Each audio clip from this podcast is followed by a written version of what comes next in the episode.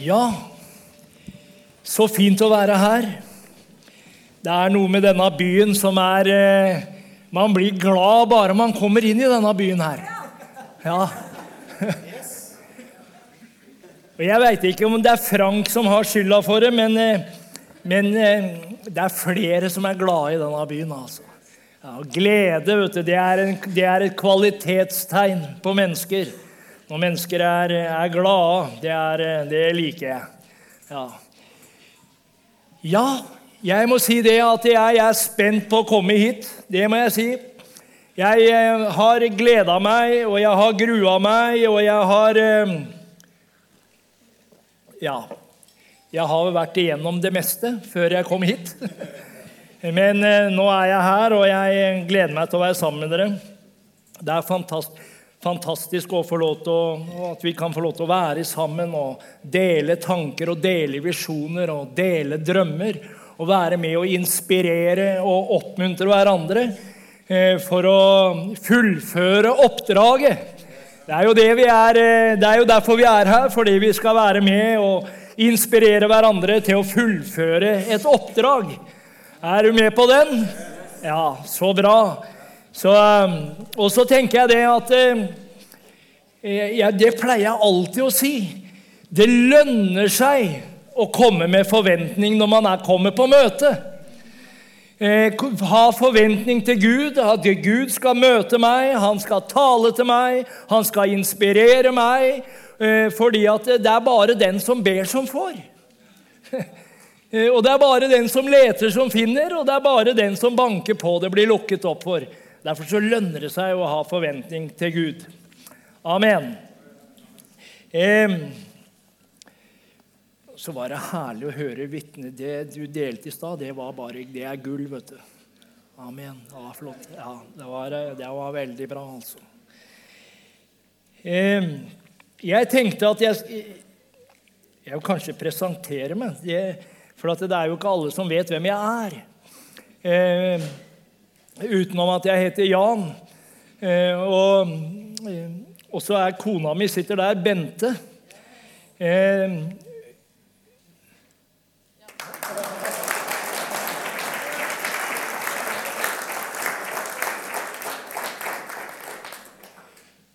jeg traff Bente for 10-11 år siden, eller noe sånt. Jeg hadde så dårlig rykte at jeg måtte ut av landet. Men jeg hadde ikke så dårlig rykte at jeg behøvde ikke å dra lenger enn til Danmark. og der fant jeg Bente. Og det har vært en eh, mildt sagt en velsignelse. Det er flott vet du, når man reiser rundt som evangelist. og Bente er jo ofte hjemme. Hun er jo med av og til, sånn som i denne viken, men ofte hjemme. Og så snakker vi alltid sammen på telefon før jeg skal ut på, på møter og på oppdrag. Og så sier jeg alltid 'Jan, jeg ber for deg'. Og når jeg står da der, vet du, uansett hvor jeg er, så vet jeg da sitter Bente hjemme og ber til Gud. Det er fantastisk. vet du. Det er privilegium. Jeg jobber i Maritastiftelsen.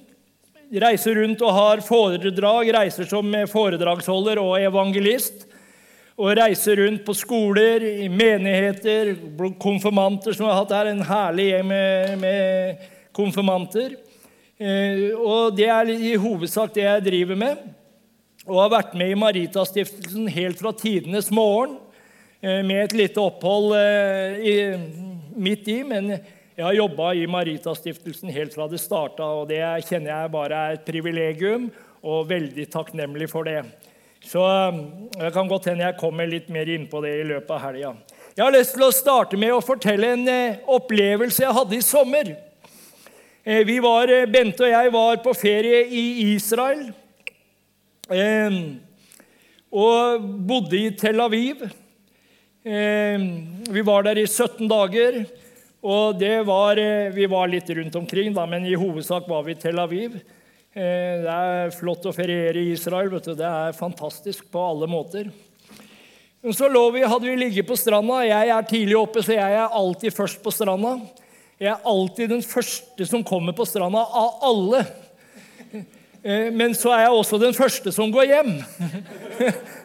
Eh, og når det liksom er 5-36 varmegrader og håper å si 32 i vannet, så, så, blir man tidlig forsynt, kan du si. Så jeg dro litt tidlig hjem en dag og kommer opp i, på, i leiligheten der hvor vi bodde. Sånn, vi bodde i et sånt eh, apartments-greier. Eh, og Der var det en stor veranda, så, det, så, der satt folk fra flere av disse leilighetene. Så kom jeg opp en dag, eh, og så satt en, en, en røslig fyr som satt på kofferten sin ute på den verandaen. Og svetten hagla, vet du. Og han så litt sliten ut, så jeg tenkte han trenger sikkert hjelp. Så jeg gikk bort til ham og så spurte jeg, du, eh, trenger du hjelp til noe. Nei, nei, sa han strålte og smilte over hele ansiktet. Nei, sånn, jeg venter bare på nøkkelen til leiligheten min. Ja, ja, tenkte jeg. Og så ble vi stående og prate litt. Og så plutselig så sier han eh, Kan jeg få lov til å fortelle deg en historie? sånn? Ja, sa jeg. Det må du gjerne gjøre. Og han eh, fyren her, han het eh, Ronny. Han kom fra Sør-Afrika. Han bodde noen kilometer på utsiden av Johannesburg. Eh, og, så begynte han, skulle han og han var omtrent på min alder. Sånn 7-28 år. Eh, og, så, og så begynte han å fortelle, så sa han eh, Når jeg var 14 år sånn, så ble jeg ramma av malaria. En veldig alvorlig Jeg ble, ble veldig alvorlig sjuk sånn. Og jeg ble bare sjukere og sjukere. Og til slutt så havna, jeg, havna jeg på sjukehuset sånn. Og der lå jeg og ble dårligere og dårligere. Og til slutt så sa legene at eh, det er ikke noe mer å gjøre. Og hele familien var samla på det sjukerommet. Og legen måtte bare da konstatere og sier til familien dere kommer til å miste den ganske snart. Han kommer til å dø, og jeg beklager, men jeg kan ikke gjøre noe mer. Og mens da hele familien var der, det var jo ikke noe hallelujastemning. Det var gråt, og det var sorg, ikke sant? Og så blir han bare borte. Så er han borte. Legen erklærer han for død. Og familien Ja, du kan jo tenke deg åssen familien reagerer på det. Deres eneste sønn på 14 år. Men så våkner han plutselig hjemme hos Jesus. Så våkner han i himmelen, og der står Jesus ved siden av ham. Og så sier Jesus ham, 'Ronny, du skal ikke dø. Du skal leve.' Men jeg har prøvd å få kontakt med deg over lengre tid, og det er helt håpløst. Du er overalt. Jeg har ikke fått kontakt med deg, så jeg tok deg hjem. Jeg tok deg med en tur hjem til meg. For det er noe jeg har lyst til å si til deg. Du skjønner det, Ronny, at jeg har lyst til å inngå en pakt med deg. Du skal få leve. Du kommer til å våkne hos familien din igjen.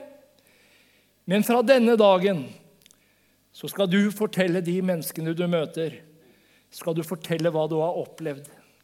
Du skal fortelle dem at jeg elsker dem så høyt, at jeg er så glad i dem, at det eneste jeg ønsker for hver eneste en av dem, det er å være sammen med dem 24 timer i døgnet.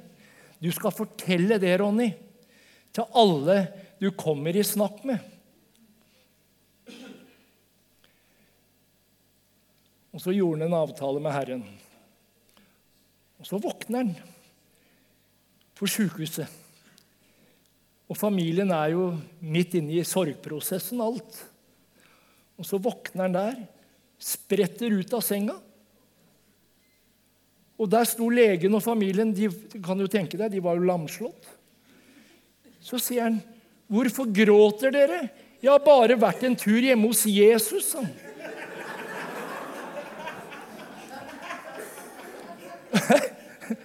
Og det var en så sterk historie, vet du. Og du bare så Når jeg sto der framfor han, så jeg kjente jo at han hadde vært hjemme hos Jesus. Jeg kjente jo at han hadde stått ansikt til ansikt med Jesus.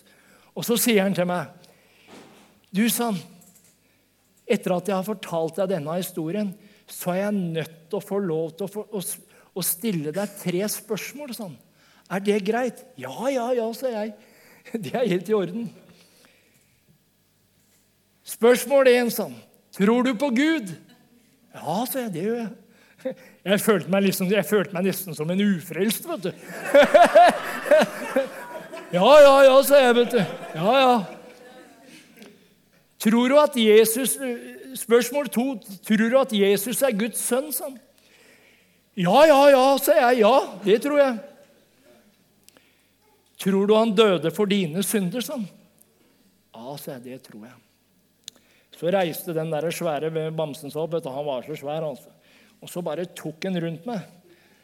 Så klemte skikkelig til, så tenkte jeg nå er det min tur til å komme opp. og så sier han du, Da er du og jeg brødre, sånn. Og så fortalte han meg det at det, han, dette her var jo nesten 50 år siden. Mannen var 3-64 eh, år, omtrent som meg. da, Og hadde opplevd dette her da han var 14. Og fra den dagen så hadde han det hadde ikke vært én samtale. Han hadde ikke fortalt dette her til alle liksom, som gikk forbi ham på gata. og sånn. Men alle som han hadde vært i samtale med, treffet rundt, enten det var i parken, eller det var i selskapet, eller det var hvor som helst i butikken, eller hvor som helst, så han fortalt denne historien og stilt de samme tre spørsmåla. Og da, vet du, En evangelist vet du, første han spør om vet du, han er jo ikke, En evangelist er ikke mer intelligent enn som så. Så det første jeg spurte om, 'Hvor mange har du fått lov til å be meg til frelse?' sa jeg. Så kikker han bare dumt på meg. Tenkte, det, er, det er det dummeste spørsmålet jeg har hørt. Liksom. Det, sånn så det ut på. Så sa han, 'Jeg er ikke noe særlig på regnskap', sa han. Men det er han. Da fikk jeg meg en kraftig, jeg meg en kraftig lærepenge, det kan jeg bare si. altså. Jeg som sitter nesten sånn Én, to, tre ja. Og så fikk jeg lov til å dele min historie med han. Og så hadde vi en, en salig stund på den, på den altanen. Men så tenkte jeg tenker på dette her med at det er jo ikke første gang Gud har inngått en pakt. Han gjorde det med Ronny, men han har jo gjort det fra tidenes morgen så har jo Gud alltid gått, inngått pakter med folk. Og det syns jeg er veldig interessant, for han har jo Jeg tenker på den pakten han gikk, inngikk med, med Abraham og med Noah. og Vi kan lese om den Det er jo så mange, ikke sant? Eh, eh, tenker på Noah som han inngikk eh, pakt med Noah eh, om å bygge en båt på å si, langt oppå Namsskogan. På, på tørt, tørr mark. Og så sa Gud, du bygger, vi inngår en pakt. Du bygger, jeg sørger for vannet. Og jeg er helt sikker på at han var nok i tvil underveis. Det ble tørrere og tørrere. Båten ble større og større, og det ble tørrere og tørrere. Men vannet kom. Sammen med Abraham. Abraham, du skal bli fart til mange folk. Det står at Abraham holdt på å le seg i hjel. Hvem skulle tro det?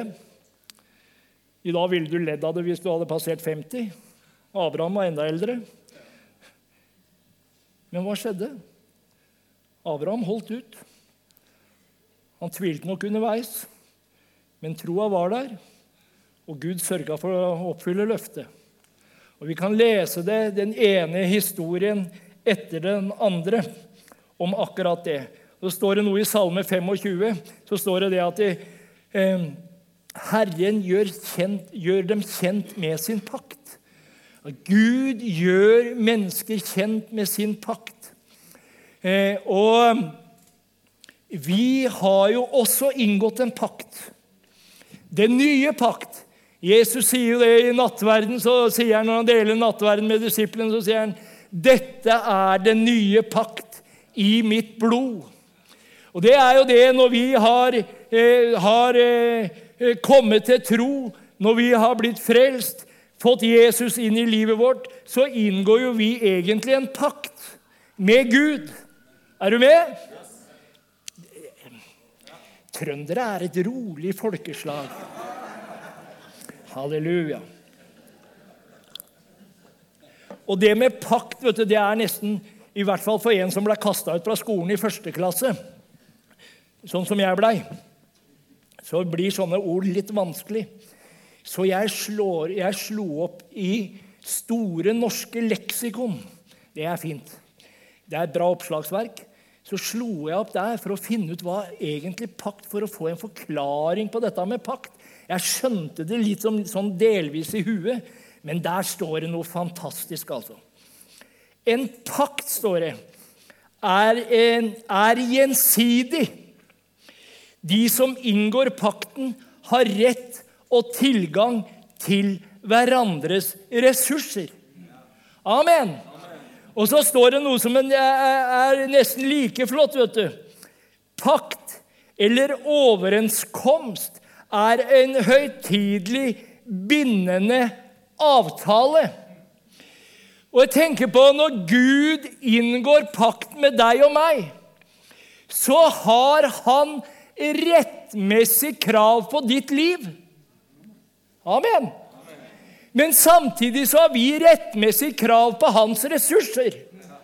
Det er den pakten som Gud inngår.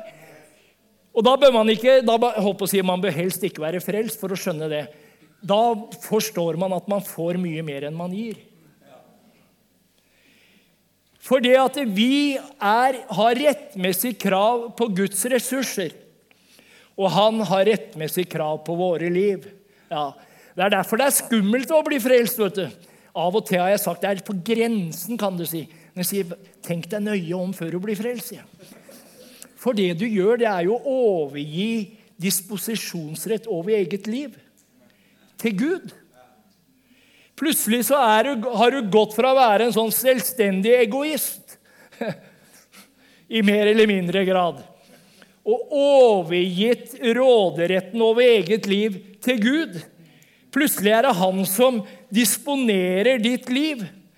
Og han har jo tenkt å bruke deg og meg. Han har jo tenkt at vi skal være i hans arbeid, i hans tjeneste. Er du med? Eh, og Derfor så har han gjort det helt genuint nydelig. vet du. For han skjønte det. Hvis det skal fungere, så må de få ti samme tilgang på mine ressurser som det jeg har. Ja, Det er derfor han inngikk en forpliktende avtale, en juridisk såre, bindende avtale om at jeg har tilgang på hans ressurser.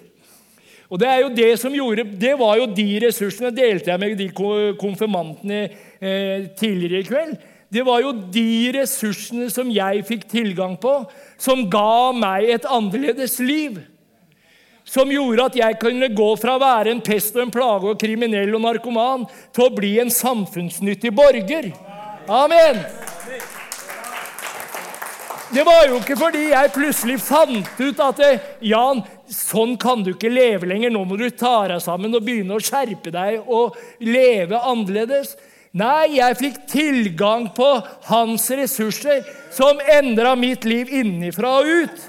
Amen. Jeg må se litt på klokka innimellom. I Danmark, vet du så vi, lever vi bare etter sola. Så vi sliter litt, vi, når vi kommer til Trøndelag, vet du. Der fikk du den, regionsleder.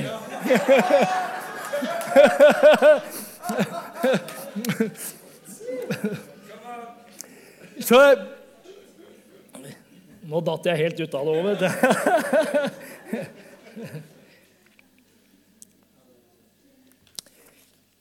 Jesus sier noe Eller det står ikke Jesus. Det står noe eh, som Paulus sier i 2. Korinterbrev, som eh, jeg syns er fenomenalt. Og her kommer jo hele poenget med at vi er samlet òg dette døgnet.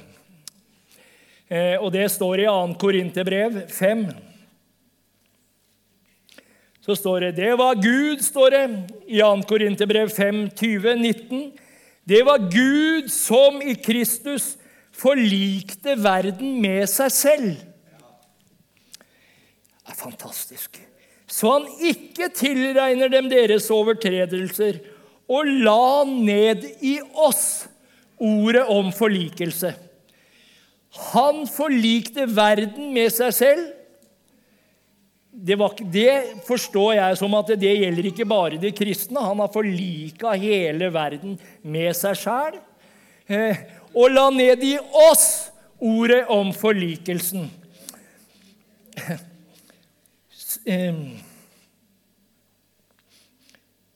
Ja, nå gikk jeg litt eh, med Så han ikke tilreide dem deres overtredelser og la ned i oss ordet om forlikelsen.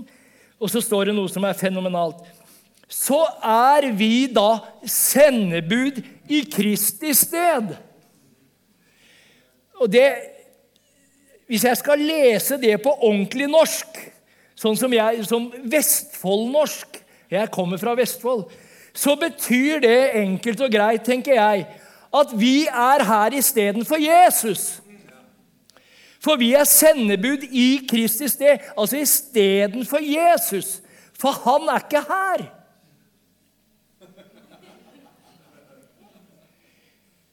Han er jo ikke her legemlig. Nå så dere nesten like forundra ut som det disiplene gjorde når Jesus sa, 'Gutter, nå reiser jeg hvert øyeblikk.' Nå har dere fått ordentlig opplæring. Nå har dere gått på verdens beste bibelskole i tre år. Du har bare ett år igjen, da. To. Et, hey. Så nå er dere mer enn utlærte. Så nå drar jeg. Nå reiser jeg. Eh, jeg reiser hjem til pappaen min. Og der så får dere Nå er det deres. Nå er dere sendebud. Nå, kommer, er det dere istedenfor meg. Og da kan jeg tenke meg åssen trynet på de disiplene så ut da. De ble lange i ansiktet. Og det verste er at de mista motet før det hadde gått 20 minutter. vet du. Nei, vi går og fisker da, gutter. Og rett, rett, tilbake til det gamle livet vet du, med en gang. Ja, 'Vi går av fisker da, gutter.' Ja, jeg blir med, jeg òg. Men så sier Jesus noe fenomenalt. vet du. 'Slapp av, gutter. Det er en fordel for dere at jeg drar.'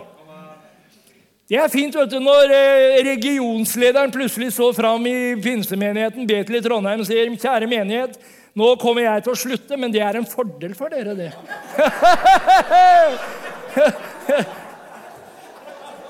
Hørte jeg et amen?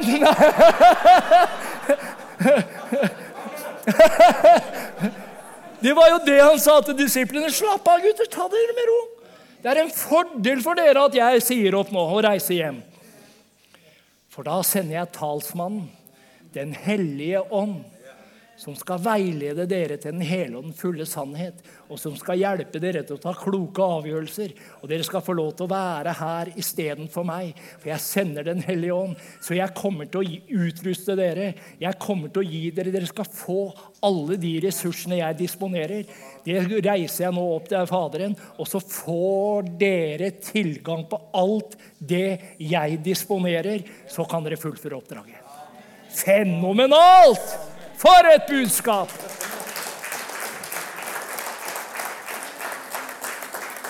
Og Jesus er fenomenal. vet du. Det er det beste ordet. Jeg kommer ikke på noe bedre ord om Jesus. Han er fenomenal. Han er fenomenal. Tenk for et privilegium, dere. Vi er sendebud i Kristi sted.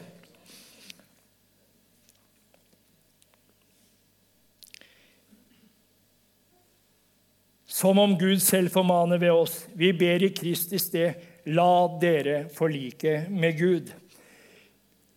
Sendebud i Kristi sted, forsoningens tjeneste. Vi er her for å gjøre det enklest mulig for mennesker å bli kobla på Gud. Det er forlikelsens tjeneste. Ja. Ikke noe annet. Det er mange kristne vet du, som nå, Dette her er ikke helt pent sagt.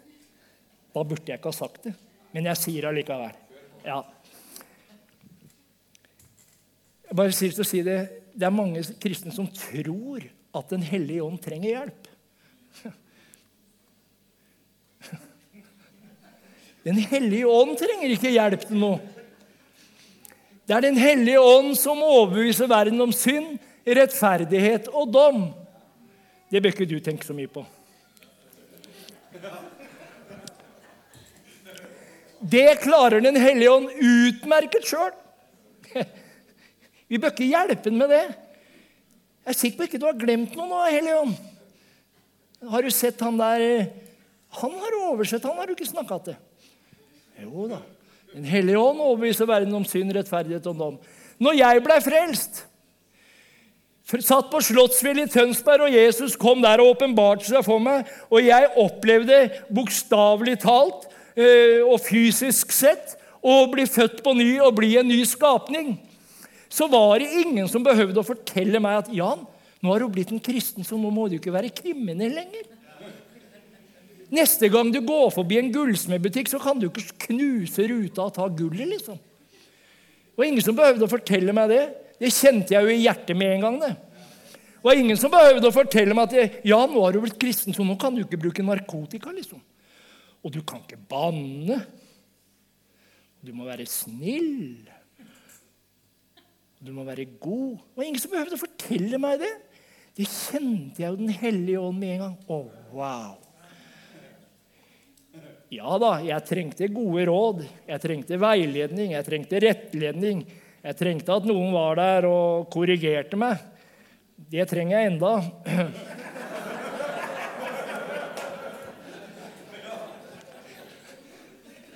Nå kjente jeg bare at det, det kommer til å bli en liten korrigering i løpet av kvelden, kjente jeg da. Men du skjønner det at vi er sendebud i Kristi sted. Hvordan møtte Jesus den kvinnen som ble tatt på fersk gjerning i hår? Tok en liksom tak sånn og så sa at nå er det slutt, jenta mi. Nå har det vært nok. Nå strammer du deg opp, liksom. Ikke noe mer horing. Nei, han gjorde ikke det. Det er han gjorde. Han formidla evangeliet. Han formidla tilgivelse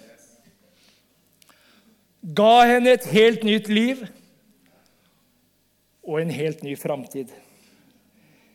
Det er det du og jeg er kalt til. Det er den pakten Gud ønsker å inngå med deg og meg.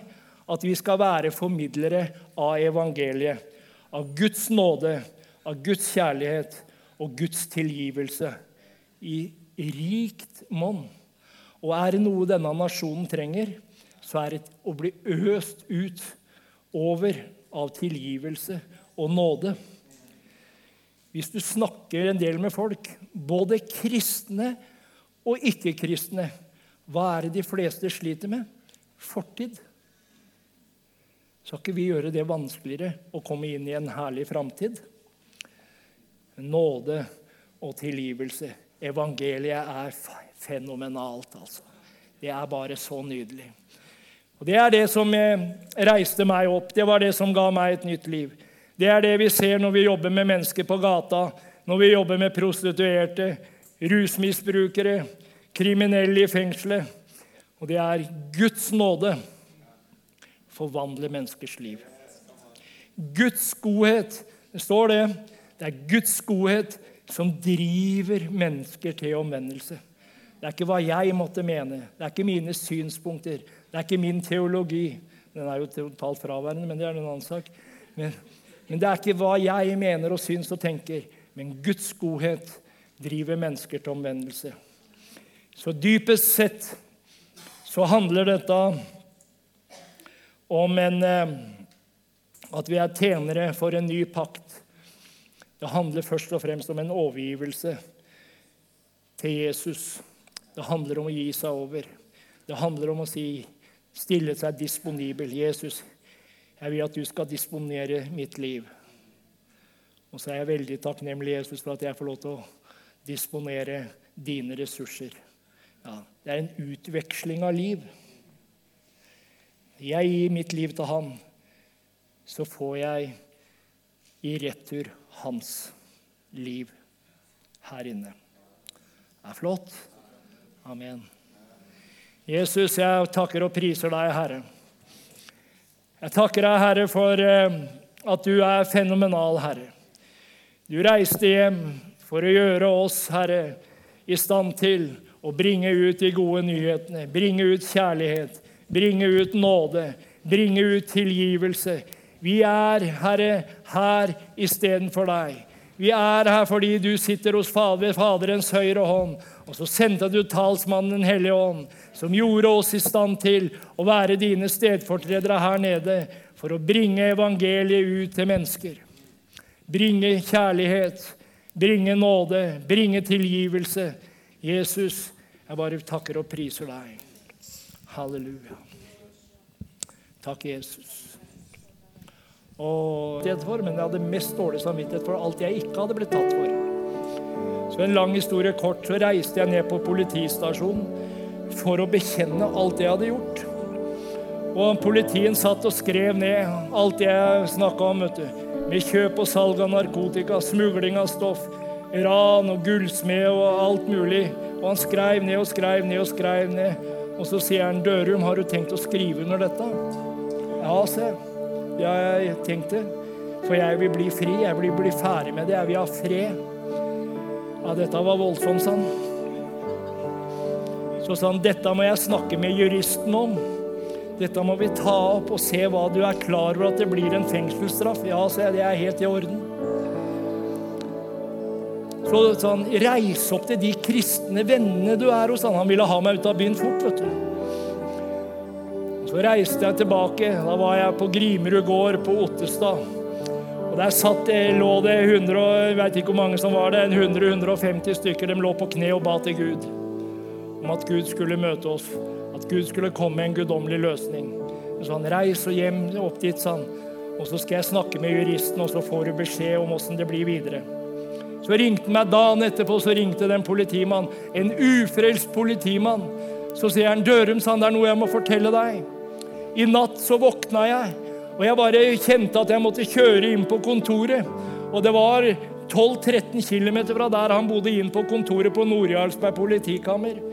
Og når jeg kom inn på kontoret, sa han, så lå saksmappa di på kontorpulten min. Og vet du hva, sa han? Jeg tok hele saksmappa, og så kjørte jeg den gjennom makuleringsmaskinen, sa han. Så nå er du fri!